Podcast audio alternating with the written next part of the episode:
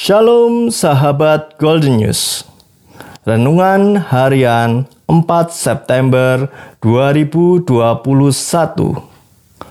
Amsal pasal 28 ayat 6. Lebih baik orang miskin yang bersih kelakuannya daripada orang yang berliku-liku jalannya sekalipun ia kaya uang menjadi barang yang banyak dibutuhkan dalam aspek kehidupan kita.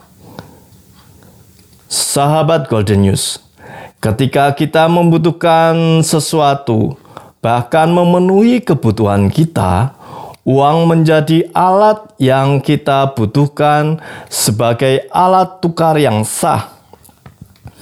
Tidak bisa dipungkiri, manusia bekerja keras Bahkan ada istilah membanting tulang untuk mendapatkan uang. Bekerja keras tidaklah salah.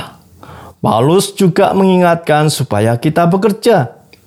Namun, dalam pekerjaan kita atau usaha kita mendapatkan uang, sering kali diperhadapkan dengan cara yang instan.